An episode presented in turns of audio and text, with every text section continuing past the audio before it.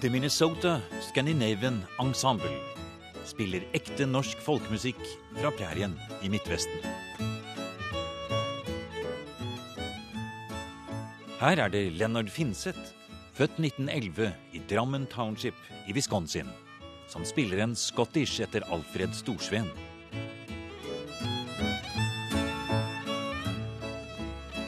Musikken var en viktig erindringsvei for det norske Amerika.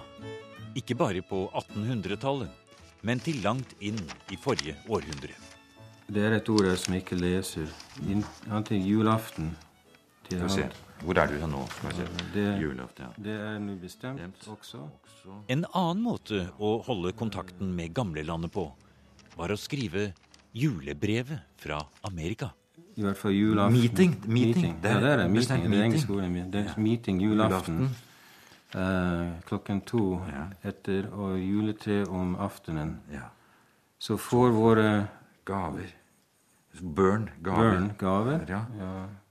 Så får våre børn gaver. Direktør Knut Djupedal på Norsk Utvandrermuseum har tatt fram en stor bunke amerikabrev fra arkivet.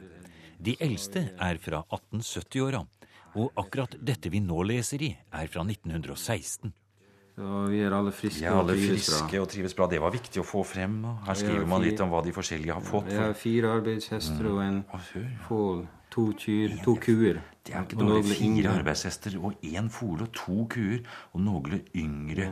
Ja, Det var ikke dårlig. Ja. Så er Så han, han levde bra. Han har gjort det veldig bra. Ja, han eh, heter eh, Gordon, faktisk. Han har tatt en eh, Han har tatt et, den, altså gården altså, han har, Det er vel kanskje det de kalte det. Ja, for, for han- de, het- det han het jo er- sånne ting. ja, Huset faktisk- eh, og gården og sånn, det var ikke uvanlige navn. Ja, det var ikke det. De tok engelske navn av og til. Men denne her, dette brevet faktisk skrevet fra Saskatchewan i Canada. Ja, det er det, ja. Ja, da.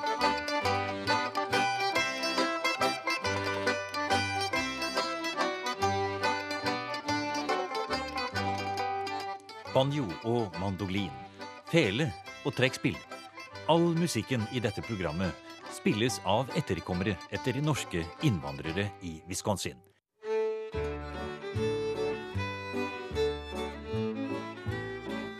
Selve innspillingen ble gjort i 1973.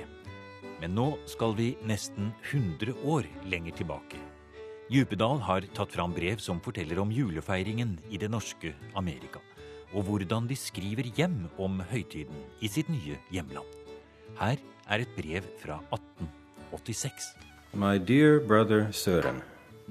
Jeg skulle vel fortelle hvorledes jeg turde julen, og hvorledes jeg lever. Jo, i vinter lever jeg hos en gammel, enlig tøllebar bukk fra Østre Slidre. Jeg steller en team, parentes et par hester, og kjører og hugger litt ved for bård, altså i parentes mad, seng og hus. Det er nok ikke stort å gjøre her, men så er det ikke bedre mann å være hos.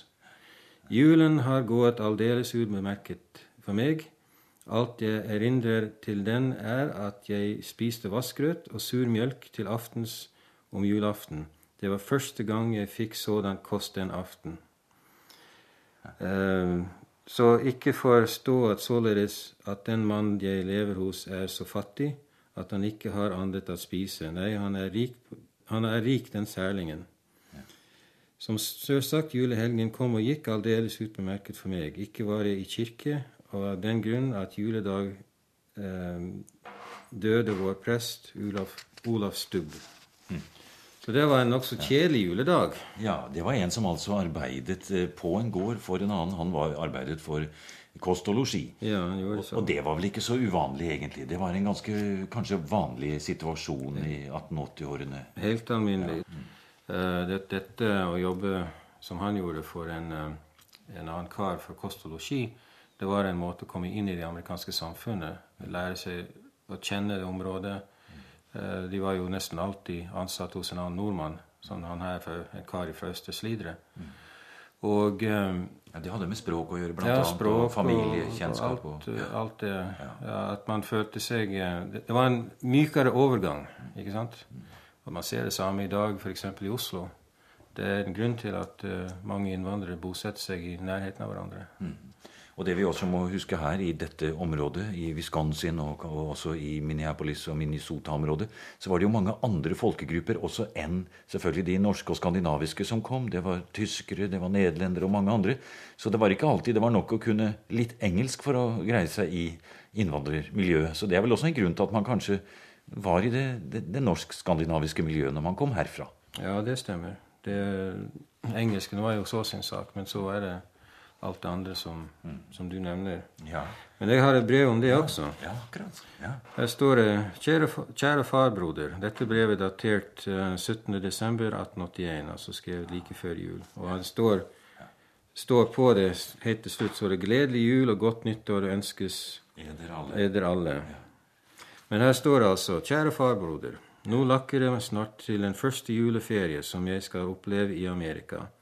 Men man gjør ikke så meget av julefesten her som i Norge, hører jeg. De fleste holder vel opp med arbeidet første juledag, skulle jeg tro. Omtrent en måneds tid siden opphørte høstarbeidet på landet, og jeg har den siste tid gått på engelsk skole her i byen. Men det er ikke så ganske snart at lære det engelsk-amerikanske, det er meget slemme, slemmere enn jeg tenkte meg. Så der, han sliter med språket? Ja, han, han, går på skole for å lære seg det. Og etter, vel å merke etter, høstarbeidet er. For, ja, for å utnytte tiden, ja. ja utnytte, han syntes det var vanskelig? Ja, han syntes det. Han syntes det var svært vanskelig. Ja, akkurat. Altså, Dette med å skrive hjem disse brevene Dere har jo en stor samling med amerikabrev her på mm. Utvandrermuseet. Eh, man skrev vel egentlig ikke akkurat så veldig ofte? Uh, nei. Uh, det viser seg igjen og igjen. Hvis du får Når, når du ser en, en, serie med brev fra samme familie, hvilket vi har noen av, uh, så kan du se at i førstingen så skriver de mange brev. Det kan være et brev hver, faktisk hver måned eller hver tredje måned. eller noe sånt. Men etter hvert så dabber det av. og etter hvert, hvis det går mange år, så blir det gjerne til slutt bare et julekort. Men det der å sende julekort, det, det, er viktig i begge retninger. Det kan være at det går et helt år uten et brev, men et julekort eller et eller annet sånt jul kommer alltid. Uh, det kan gjerne skrives sånn som dette her like opp under jul, for da sitter man faktisk i Amerika og tenker på de som er hjemme, og tenker på julen og alt det der. der. Så skriver man brevet, og vel vitende at det kommer fram etter jul. Men da viser det det når, når det kommer fram, så kan folk vite at vi satt og tenkte på dere i Norge. sant? For det er ja, datert her, som du ser. Ja. Så han har sittet og han, uh, og det, det, det, at det er en så veldig fin håndskrift som vi var inne på, det har vel også noe med det å gjøre også. At man viser at man gjør seg flid. Det skal være et fint brev. Man vet at dette kanskje blir et dokument nærmest i familien som man tar frem og leser for de besøkende som kommer mm. til Kanskje det er hjem til barndomshjemmet, eller til eh, der han har reist ut fra. Vel, han skriver jo 'kjære' ofte i hug kommet broder. Ja, det er til sin bror. Kjære ofte i huget kommet broder, du. Ja. ja. ja nå er vi nettopp innunder jul, julen, og vi venter oss en velsignet og glad julefest. Må Herren, må Herren la det lykkes. Vi akter at havet en liten juletre mm -hmm. i vårt hus, og små julegaver i og med et lite program og med mer og sang. Ja. Um, og en hyggelig julaften sammen bærer vi også få Jesus med. Ti uten Han er alt omsonst. Ti uten Han, ja, er ja. alt omsonst. Ja. ja. Så dette er en, selvfølgelig en kristen familie, skjønner du. Sånn. Bor de i et, uh, bor de i en by, disse som skriver dette brevet, tror du? Jeg vet ikke. Jeg vil tro de bor ute på landet. De bor på landet, ja. Men så er det neste setning her, ja. syns jeg er interessant. Ja, de sier at de har raka fisk. og ønsket meg være så at jeg kunne nyte derav. Også jeg kunne ønske at havet dere så at de kunne smake våre julekaker og andre gode ting. Men én ting mangler vi. Den prektige primosten er nå eh, spist opp for lenge siden. Den var en stor gave for oss alle så lenge den varte. Men allting tager slutt. Ja, Det tyder altså på at de har fått en pakke fra Norge. Dette her, kanskje? Ja. Ja, Og de har eh, spist opp primosten. Den syns de var god. Ja, og den ønsker seg rakefisk. Og jeg syns, eh, tatt i betraktning hvor populær rakefisk er i dag, at, det, at man her for nesten 100 år siden sier at han skulle likt å smake det, det er litt interessant. Ja, absolutt.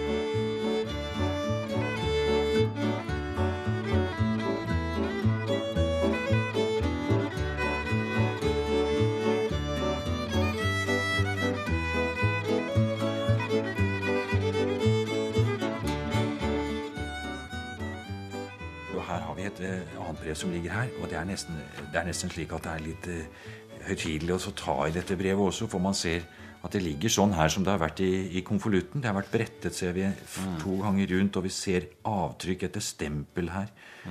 Dette brevet er det eldste som er tatt fram. Det er fra februar, 17. februar 1873.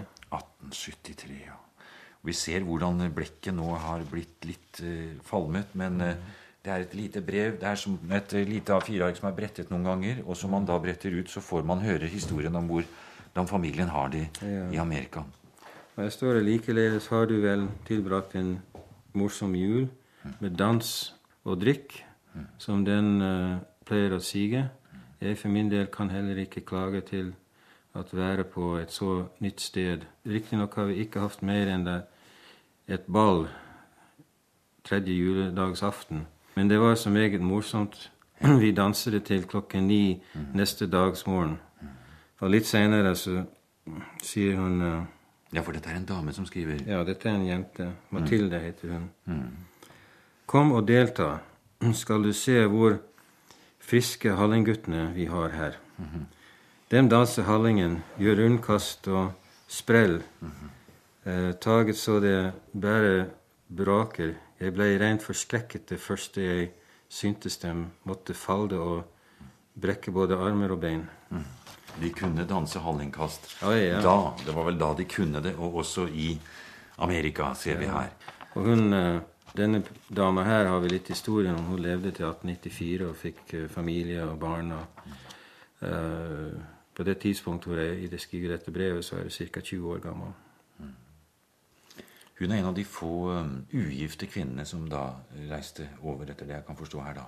Eller var hun gift allerede da? Nei, tvert, tvert imot. På den tiden der så var de aller fleste jenter som reiste, de var ugifte. Ja, det var det, ja. Eh, det viser seg at ca. 80% av alle de som reiste på den tiden, menn og kvinner, var ugifte. I, fra 1865 og framover til 1914. Men eh, det er litt usikkert på det, fordi at veldig ofte så vil de oppdage at de reiser fra Norge ugift, og så kommer de straks etter de har vært i Amerika, kommet til Amerika, så er de gifte. Og det kan tyde på at de Veldig ofte så reiser de også i en gruppe. Så det kan tyde på at de er en gutt og en jente som har godt øye til hverandre, som reiser sammen, og så blir de gift i Amerika. Eller de lærer hverandre å kjenne på veien, eller noe sånt. Treffer hverandre på båten, for den saks For skyld. eksempel. Ja. Men Det veldig jo- ofte så reiser de i grupper sammen fra samme grend. Og det er vel også ofte at um, når de unge mennene reiser ut, at de kanskje da har lovt noen der hjemme at når jeg greier meg der borte, så skal jeg sende deg penger, og du, vi kan gifte oss her borte. Hvis, ja. ikke sant? Det er også. Mm. Så det kan også være at de reiser til en forlovede eller en kjæreste.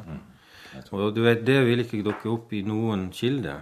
Fordi det står aldri at jeg reiser for å treffe min kjæreste. Nei. Eh, Hvordan var, tror du, nær sagt eh, oppfatningen hjemme i Norge når disse brevene kom? Hvis vi tenker oss her i 1870-årene, så var det vel mange som tenkte på her hjemme å kanskje reise bort.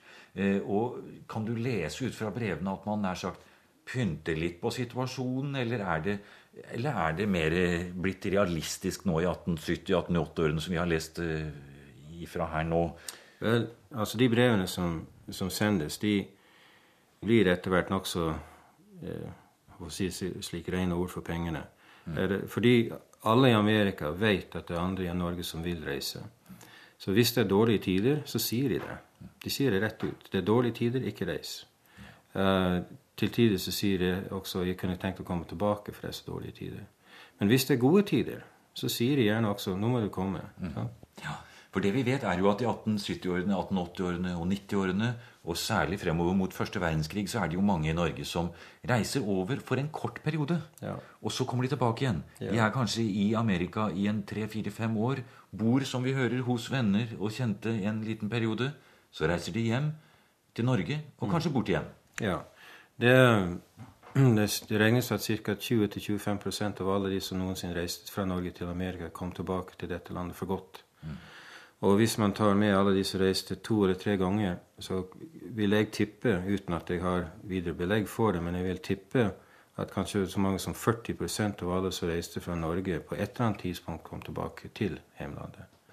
Og det er klart, eh, Man brakte med seg da tilbake til Norge ikke bare oppspart eh, kapital, men også kanskje ideer til å starte business eller kjøpe ting eller starte noe. eller altså Bringe med seg tanker og ideer som man kan vel si at eh, det har betydd en del for, for, for Norge faktisk i, i, årene fra rundt århundreskiftet 1819. Ja da, det, det, er ikke tvil om det. det. Du kan si at det er fire ting de har tatt med seg. Det ene er penger, og ganske mye penger også, når du tenker etter. Eh, det andre er at de har tatt med seg gjenstander. F.eks.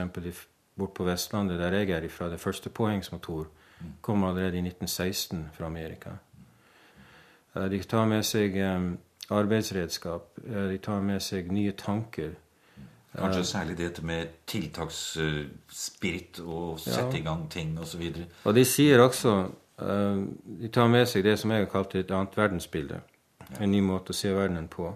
Og den det er ganske så viktig, og det sier de sjøl om seg sjøl, at de er mindre tradisjonsbundne, de som har kommet hjem, og vi har intervjuet dem.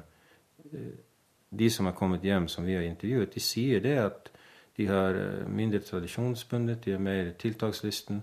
Men det som er viktig, er at deres naboer, som aldri har reist ut, sier det samme. De som kom hjem, er mer tiltakslysten, mindre tradisjonsbundet osv. osv. Og en av de mest interessante i så måte som jeg har vært borti, var en mann fra Vestlandet som jeg intervjuet, som sa Jeg spurte han om han hadde endret seg da han var i Amerika. Og så sa han ja, når jeg kom hjem, så tok jeg ikke av meg hatten for presten mer. Sånn? Og I den ene setning så ligger det en sosial revolusjon. 1000 års kristendom rett ut gjennom vinduet. Forholdet mellom øvrigheter, representert presten, og en vanlig person som etter gammelt skal stige av veien når presten kjører forbi. Ta av seg hatten. Men han Men i utvandrernes Amerika så hadde han lært seg at enhver er sin egen lykkesmed. Og prester er ikke bedre enn andre. Så han tok ikke av seg hatten for presten mer. Én kort setning og en hel sosial revolusjon. Jeg tar ikke av meg hatten for presten mer. Ja. Det er helt, eh, den, den der syns jeg er meget, meget viktig når man tenker i det hjemvendte.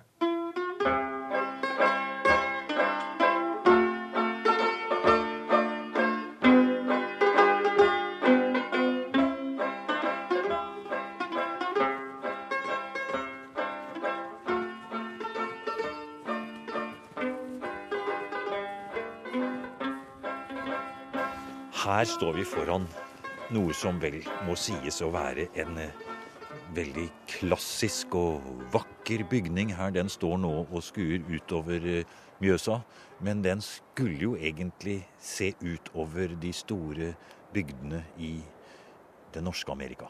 Ja, altså denne kirka her, er, den heter opprinnelig Oak Ridge Church.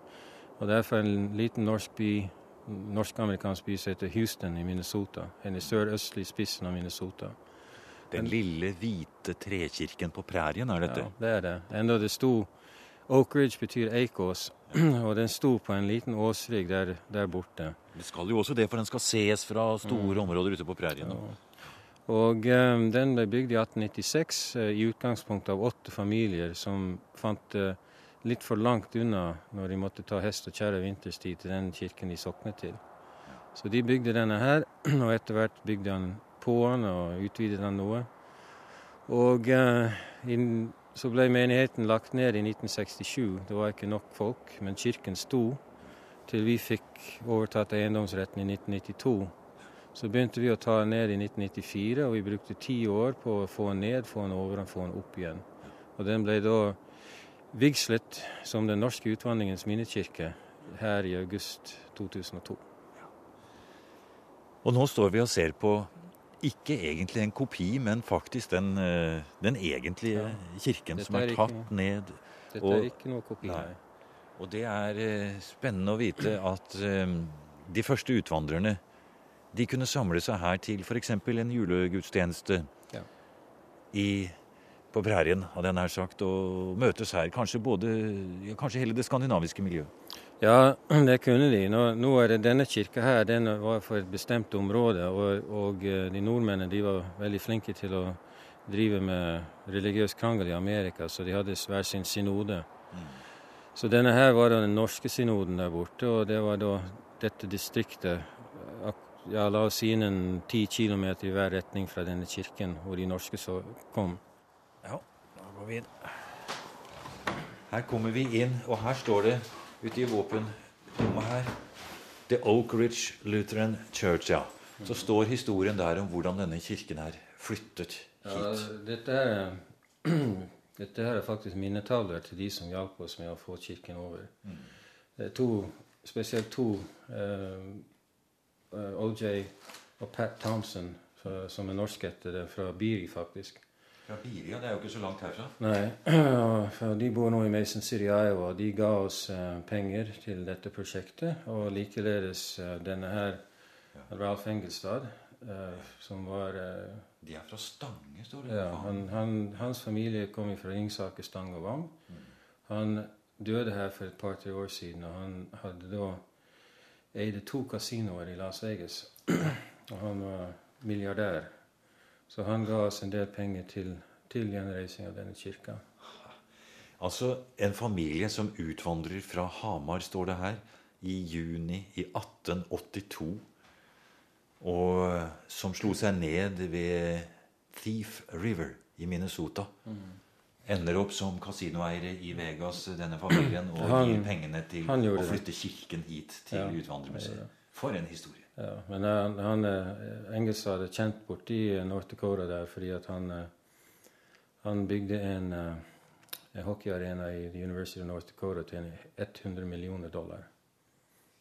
Så, det er 600-700 millioner. Ja, så han hadde litt å Som de sier, han hadde salt til maten. Ja.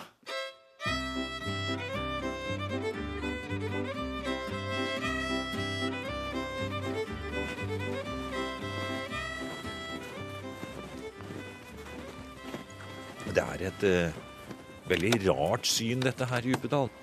Og vi står her og ser utover en, uh, en blanding av et moderne landskap med den nye E6-en bak oss her, og eh, disse gamle bygningene fra det amerikanske eh, området rundt Wisconsin, Minnesota og dette området som emigrantene kom til. Det, er en eh, helt utrolig spesiell eh, blanding, og det er en liten bygd, utvandrerbygd som ligger her. Ja, det er det. Og med det sagt så må jeg også si at hensikten med dette museet var aldri å så, å så samle hus bare for at vi skal ha hus. Tanken er det at disse bygningene illustrerer en del av den norske historien. Altså Det er ikke bare amerikansk, dette her. Det er faktisk en del av den norske historien. Og ikke er utvandringen over. Ikke gikk han bare til Amerika. Den gikk mange andre steder også. Og det er som sagt en del av vår egen historie. Så vi bruker dette her for å fortelle den historien. Så kan det kanskje være litt tankevekkende å komme hit og se på hvordan de norske som reiste ut i verden, prøvde å greie seg. For nå i dag så har jo Norge blitt et mottakerland for innvandrere fra andre steder. Ja, det er det. Men jeg syns når man begynner å tenke i de baner, så burde man alltid ha i mente at den enes utvandrer er den andres innvandrer. Og de store trekk i innvandringen, det å vandre fra et land til et annet, de store trekk er det samme uansett når du reiser, eller hvor du reiser fra eller reiser til. Altså F.eks. det å finne seg til rette med en jobb finne, lære språket, lære et nytt kultur.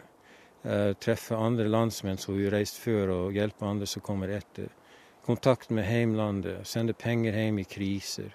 Reise tilbake på besøk, holde kontakt med slekten. Alt det der er der. Alle de tingene er det samme uansett hvor du er eller hvor du kommer ifra, eller når du reiser. Detaljene er annerledes. En nordmann reiser pga. at han vil ha bedre lønn for sitt strev i 1880 en uh, østeuropeer reiser i 1980, 1990 pga. krig. sant? Men når de da en gang er kommet til et nytt land og skal være der en stund, så dukker alt dette her opp igjen. Til og med det religiøse. Vi tror i dag at uh, vi har mye krangel i verden, og særlig innbyrdes f.eks. Man kan lese i avisen om, om, det som skjer i det av til og blant det muslimske miljøet i Oslo. Men de norske her de hadde også sine prester som nektet f.eks. giftermål utenfor den lutherske tro. De hadde også en kirke som sa at eh, en, en, retning i kirken der borte som sa til og med etter den amerikanske borgerkrigen at slaveriet var ikke mot Guds ord. Det var en uting, men det var ikke mot Guds ord.